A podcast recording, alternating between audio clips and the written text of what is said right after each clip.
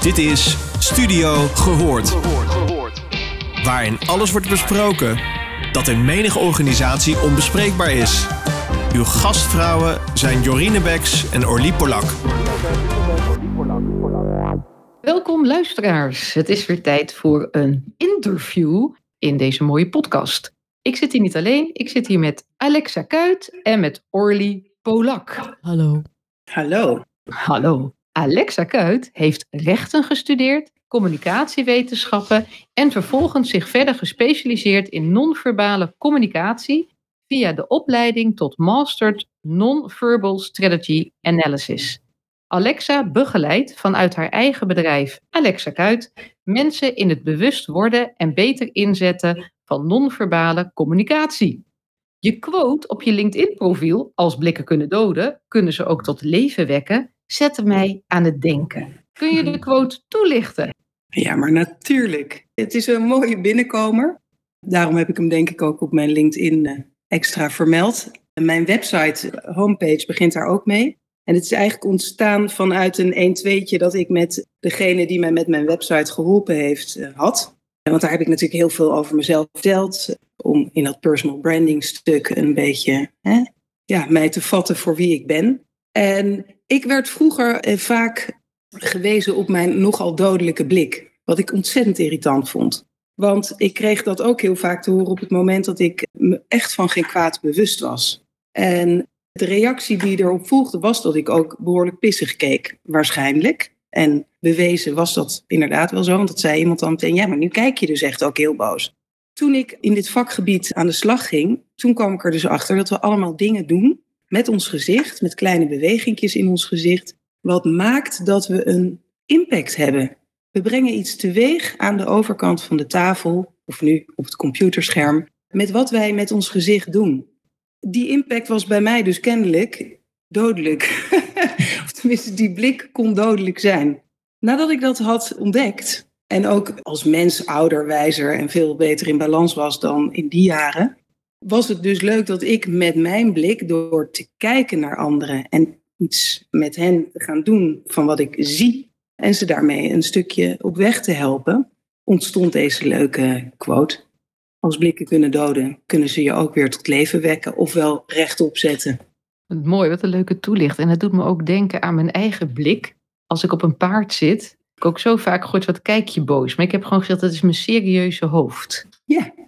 Ja, en die is misschien wat minder gezellig, maar dan weet je in ieder geval wel dat ik aan het denken ben. Ja. Dus dat is, ja. Hoe kan het nou dat dat, dat heeft ook een effect? Op de andere kant van de tafel zij natuurlijk een beetje blikken kunnen doden, kunnen ze ook hè, de andere kant uh, veroorzaken.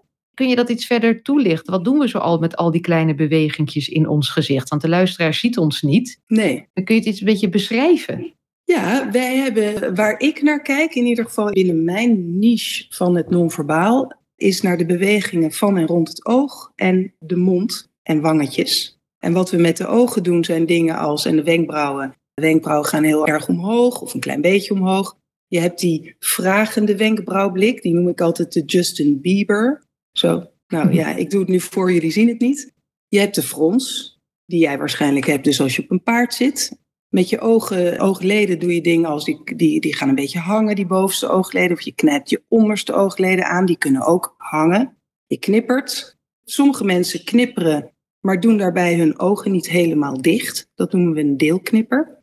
Daar moet je heel goed voor kijken om dat te zien. Maar sommige mensen doen heel vaak hun ogen niet helemaal dicht bij het knipperen. Dat hoort bij een bepaald type binnen mijn vakgebied. En met de mond maak je, sommige mensen, ik ben daar zelf ook een van, hebben veel lach in de mond, terwijl er helemaal niks te lachen valt. Dus dan gaan die mondhoeken toch omhoog. Je ziet er aan de ogen dan niet per se iets, maar dan staat de mond ook in een lach. En met de wangen kunnen ook dan omhoog gaan. Wat zegt zo niet helemaal dichtgaande? Wat je zegt, dat is een bepaald type mens. Mm -hmm. Wat is dat voor type mens dan, die ogen net niet helemaal dicht doen? Zijn dat controlfreaks die willen blijven kijken? ja, dus er zit misschien wel iets van alertheid in. Die hoort bij het type. We hebben vier typen in het model waarmee ik werk. Type 1 is aanpassen. En daar hoort deze beweging bij. Het niet helemaal sluiten van de ogen bij het knipperen. Dat doen ze niet 100% van de tijd, maar wel een bepaald hoog aantal keer van het totaal. Wat die exacte beweging betekent, weet ik niet.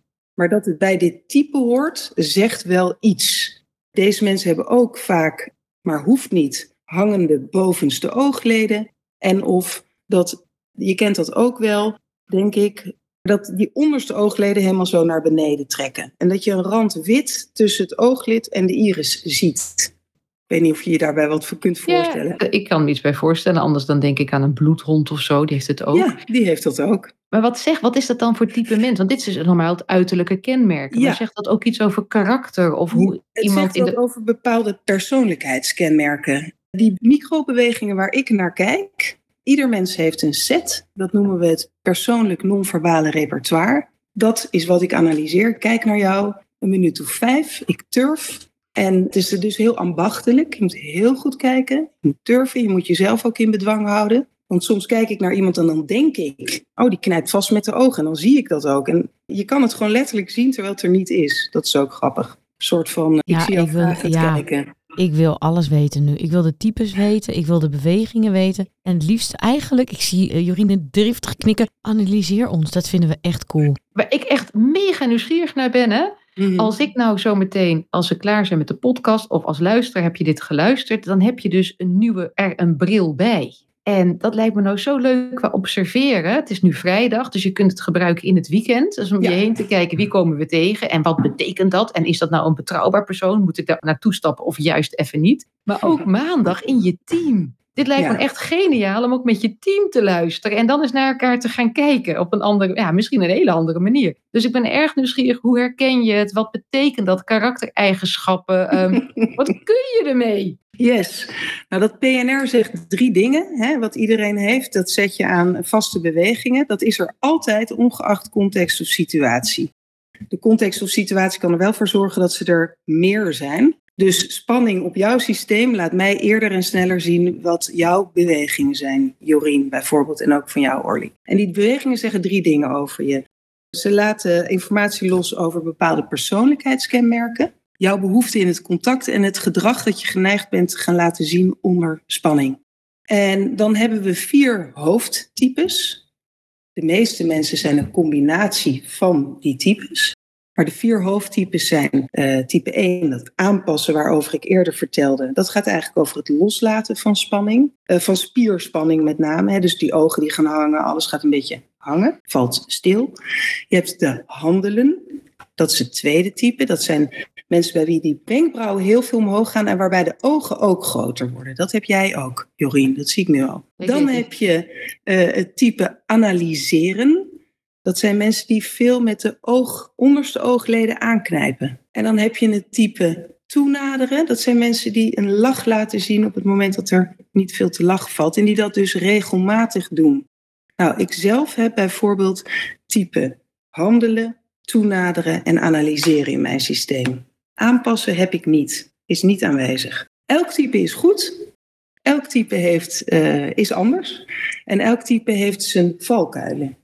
En dat, nu willen we natuurlijk nog meer weten. Wat betekent een valkuil in, in je non-verbale communicatie? Wat is dan een valkuil? Nou, de valkuil is dus het, het niet zo helpende gedrag wat je gaat laten zien als jij spanning ervaart. Bijvoorbeeld, een type handelen, als die druk ervaart, wordt die in de regel ook drukker. Niet alleen met die oogjes en die wenkbrauwtjes die alle kanten op gaan, maar ook met alle bewegingen. Maar ook stemgeluid kan wat sneller hard worden. Energie wordt meer. Die heeft veel uitwaarts gerichte energie.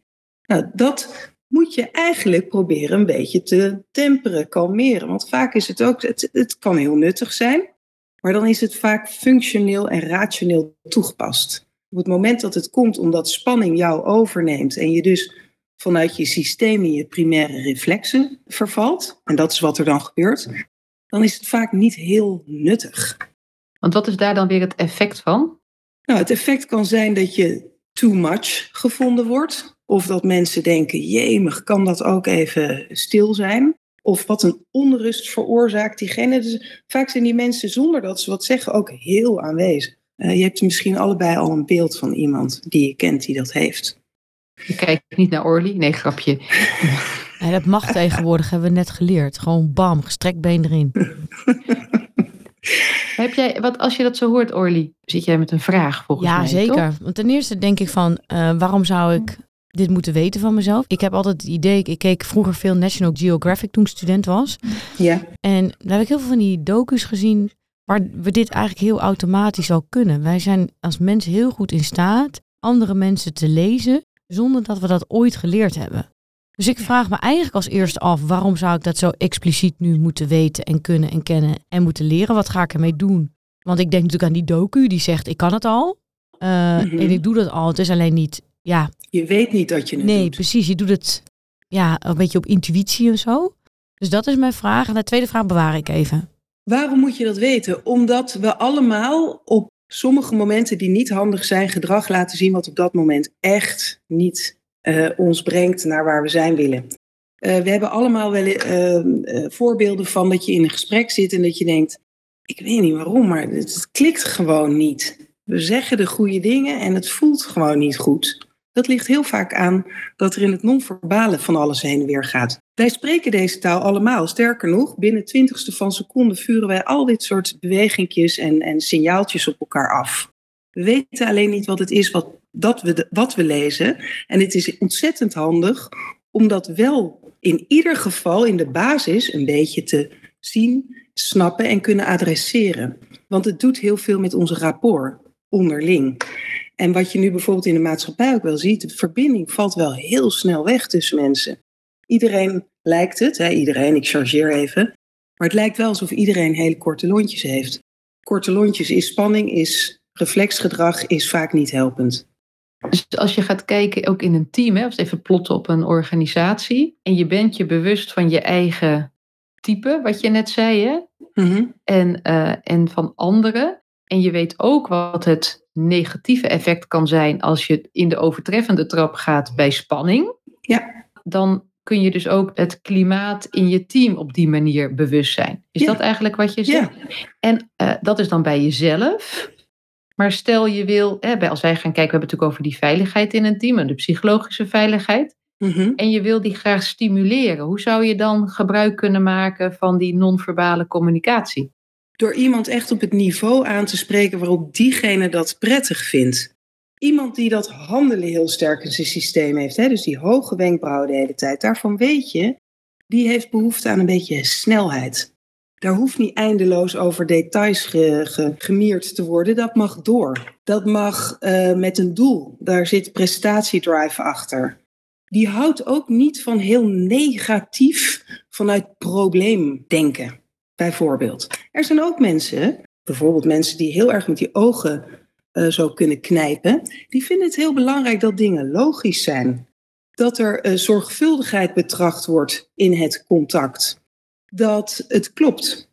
Dat het duidelijk is als we van A naar B gaan hoe we daar dan komen. En niet dat we ineens van A naar B gekomen zijn en we zijn daar ineens kennelijk. Ja, maar, komt dan de vraag. Ja, maar.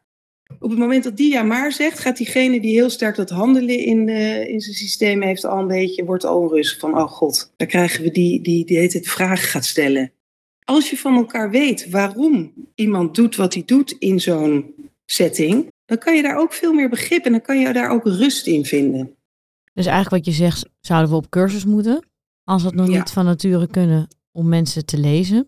Maar wat ik je ook hoor zeggen is, eh, mensen hebben kortere lontjes. Komt dat ook doordat we elkaar, omdat we elkaar minder zien en hebben gezien, ook minder begrijpen? Dus dat we een deel van de communicatie kwijt zijn geraakt door al dat Ja. virtuele contact.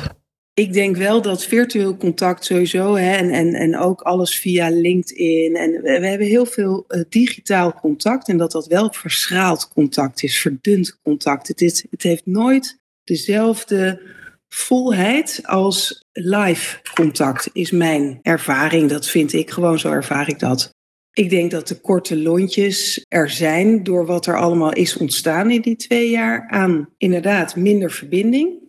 En ook de topics die nu spelen, de thematiek, alle problemen. De- er wordt ook veel in problemen gesproken. Hè? Veel, Ja. heel veel zorg wordt er geuit. Er wordt heel veel ook in, nou ja, bijna apocalyptisch gesproken. Dat werkt, draagt niet echt bij aan je gevoel van welbevinden als mens. Daar word je ook zenuwachtig van. Dat is, dat, dat is niet non-verbaal. Nee, maar non-verbaal en verbaal ondersteunen elkaar. Het, het, we, zeggen wel, het grootste deel van de communicatie vindt non-verbaal plaats. Dat is belangrijk. Eh, maar het is zeker niet alles. Weet je wat ik ook het probleem vind met non-verbaal? Ik ben, uh, ja, dat weten heel veel mensen niet, maar ik heb naast sociologie ook argumentatietheorie gestudeerd. En daar doen ze eigenlijk niet zoveel met non-verbaal, want we werken eigenlijk alleen maar met expliciete taal. Maar het non-verbale is er wel. En wat je ziet in discussies wanneer het heftig wordt, of wanneer je iets observeert en wanneer je daar dus bijvoorbeeld sensitief voor bent, is dat de mensen het gaan ontkennen. Nee, ik ben helemaal niet tegen. Nee. Dan, dan zit je in een meeting en je ziet gewoon aan die leider, aan die directeur, aan die medewerker. Hij gaat het niet doen, hij heeft er geen zin in, zit vol in de weerstand. Hij denkt, wat een keul, wat een onzin, mij heb je niet mee. En op het moment dat je het wil adresseren, krijg je door Madagaskar Pinguins, smile wave. Nee, maar dan, dat heb ik verkeerd geobserveerd, dat is er niet. Hoe doe je dat dan? Als mensen het wel het gezicht gebruiken om iets over te brengen, maar op het moment dat je het adresseert, het dan gaan ontkennen. Ja, dat vind ik lastig, want ik denk dat dat per situatie verschillend is wat ik dan zou doen. Dat hangt heel erg af van de energie die ik oppik bij diegene. Ik ben daar ook vrij intuïtief in. Ik, ik doe dit een aantal jaar, maar ik werk al meer dan twintig jaar met mensen. Heel erg ja, close-up, zeg maar. Dus ik, ik vind dat lastig. Maar kijk, soms moet je het gewoon laten. Want is het feit dat iemand ja zegt met zijn gezicht, maar nee zegt met zijn woorden ook een signaal. Dan wil hij het er dus niet over hebben. Nou, dan moet jij je afvragen, ben ik nou degene die op dit moment deze persoon erin uh, gaat dwingen om uh, hier nu eerlijk te zijn? Dat hangt heel erg af, denk ik, van wat het is dus, wat je probeert te bewerkstelligen op dat moment. Want veiligheid het kan onveilig worden omdat iemand zegt nee. Terwijl jij denkt, ja, je bedoelt dus ja. Nou, dan zou ik hè, zeggen van, nou, dit, dit draagt niet bij aan wat we hier proberen te doen. Dus ik vraag het je nog een keer. Maar soms wil je diegene zich ook niet onveilig laten voelen. Nee, snap ik. Maar even terug dan zeg maar naar het, zeg maar het argumentatieve vlak. Op wat moeten we dan varen? Moeten we varen op hetgeen wat non-verbaal aan ons gecommuniceerd wordt? Of aan hetgeen wat verbaal gecommuniceerd wordt? Dat vind ik lastig, die keuze. Ja, non-verbaal zie je dat er een ander antwoord is dan wat er verbaal geuit wordt. Dus ik zou dan varen op het non-verbale. Alleen je hebt de keuze, ga ik hier wat mee doen, ja of nee? En dat hangt van het moment af. Wat ik eigenlijk altijd zelf doe, is het toetsen. Want als ik, weet je, als je in een team zit, maar ook één op één, als dat niet matcht, het verbaal en non-verbaal, dan leidt dat per definitie tot onbetrouwbaar als voor je gevoel. Hè? Maar het kan ook zijn dat iemand ja zegt terwijl hij eigenlijk nee denkt, maar denkt als ik nee zeg, dan hoor ik er niet bij. Dus ik zeg maar ja. En als je dan gaat toetsen met opties, dus mijn vind ik zo leuk, dan nodig je uit om het weer op één lijn te krijgen. Ja. En, en dan help je. Maar wat volgens mij wat jij zegt is, het een wel eens niet is, heeft natuurlijk geen zin. Hè? En, en dat gebeurt natuurlijk. Dus eigenlijk, soms heb je ook dat je eigenlijk iemand betrapt op iets wat hij zelf wel weet, maar van die vindt dat het niet kan. Dan heeft diegene de reactie. Als je, als je betrapt voelt, dan is het verdedigen of aanvallen. Dan krijg je ja. wel eens niet, dus dat schiet natuurlijk niet op. Ik vind het wel een hele. Want aan de ene kant zeg je een paar seconden, dan gebeurt er al heel veel. Andere kant zei je van oké, maar om te observeren heb je toch wel, wat zei je, een filmpje nodig van hoeveel tijd had je? Vijf Drie tot minuten. vijf minuten, ja. Ja, dus dat is dan ook nog wel weer een tijdje. Dus ik zit te denken, zit je in een team met tien mensen? Moet je dan als manager, als je wil begrijpen wat is die non-verbale communicatie, heb je dan dus minimaal 30 tot 50 minuten nodig om te kunnen observeren hoe of wat? Is dat eigenlijk dan de opdracht die je zou geven? Je leer je mensen kennen. Ga gewoon eens eventjes achteroverleunen en gewoon alleen maar kijken. En ja, of je vraagt mij om ze te analyseren. Dat kan natuurlijk ook. Dan krijg je, oh, je een rapportje. kan natuurlijk ook even commercieel. Ja, maar als we altijd alleen maar jou moeten vragen, dan kunnen we natuurlijk, dan gaat de beweging niet zo snel. Hè? Nee, dan dus fijn als je een beetje zelf ja, kan. Ja, ik denk dat we al een heel eind komen als we, uh, wat ik doe met uh, die filmpjes van drie tot vijf minuten, is echt het, echt het complete plaatje. En dat is heel genuanceerd. Maar je kan vrij snel zien in een korte interactie wat de hoofdbeweging is. En dat zou, uh, als iemand weet, oké, okay, ik heb vier types en grofweg iedereen heeft één hoofdtype, als we daarvan uitgaan, dan kun je die wel leren zien. En dan heb ik een laatste vraag. Wordt dit ook getoetst? Dus zijn er wetenschappelijke studies of uh, studenten ja. die hier op pad gaan en die uh, dat toetsen? Kan je, kan je daar als laatste item misschien nog wat over vertellen hoe ze dat doen? Er is de afgelopen twaalf jaar is hier onderzoek naar gedaan. En het is ook wereldwijd de eerste keer dat er onderzoek is gedaan naar de, de functie van die microbewegingen in het gezicht als set, als PNR. Dat is aangetoond en dat is uh, onderzocht. En die studie is vorig jaar gevalideerd en gepubliceerd. Dus het is hele jonge wetenschap en er ligt nog een hele wereld aan informatie en, en nieuwe dingen die je er waarschijnlijk over kunt leren als we daar onderzoek naar gaan doen. Dus wordt het getoetst. Ze zijn eh, vol continu, dat is instituut INSA, Instituut voor Non-Verbale Strategieanalyse, is daarvoor opgericht en is daarmee bezig. Ja, dat is de hoofdtaak van, deze, van dit instituut. Ja. En zou je een keer uh, terug willen komen in een terugblik van ons? Dat, je, dat wij een filmpje van onszelf maken? Want de luisteraar heeft natuurlijk uh, wel geluid, maar weinig beeld. En ja. dat we in, in, stapjes kan ook even aan één van ons zijn. Is waar kijk je dan naar? Ja. En, en, en dat je wat tips aan ons geeft van ja. hoe wij dit zelf in onze, aan onze keukentafel gewoon eens bij het eigen gezin eens kunnen doen. Ja, ja, dat is, vind ik heel erg leuk. En ik heb echt volgens mij nog niet uh, 5% verteld van wat, van wat ik wilde vertellen. Maar dat wil ik graag. Leuk. Dat lijkt je leuk? Helemaal goed. Ja.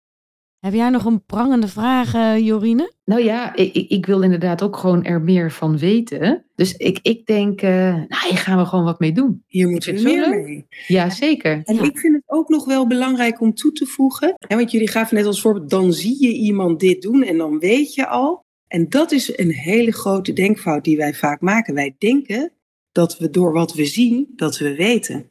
En ik zeg altijd, geloof maar juist niet alles wat jij denkt dat je ziet.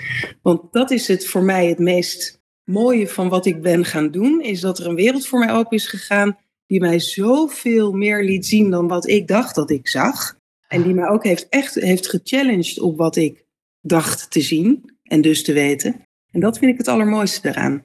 Ja, ik vind wat jij zegt, want kijk, als je het hebt over non-verbale communicatie, die trainingonderdelen die zitten natuurlijk bij communicatievaardigheden. En dan hebben we het over een gesloten houding, ja. een open houding, uh, et, ja, et cetera. Dat zijn die, ja. die eerste basics. Maar het is zoveel meer. Dat hebben ja. we wel geleerd hier in, in dit gesprek. Ja, en ik heb ook geleerd dat die gesloten houding helemaal niet per se gesloten is. En dat een frons hebben helemaal, helemaal niks over een emotie hoeft te zeggen. Maar dat ja. is vaak een hele mentale be beweging die iets zegt over je ja. mentale activiteit op dat moment, bijvoorbeeld. Ja, Mooi. Dank je wel. En tot snel hoop ik. Ja, tot snel. Tot snel. Maken. Leuk. Ja. Dag. Je luisterde naar Studio Gehoord. Vond je dit een leuke podcast? Laat dan een review achter bij jouw favoriete podcastplatform. Tot de volgende!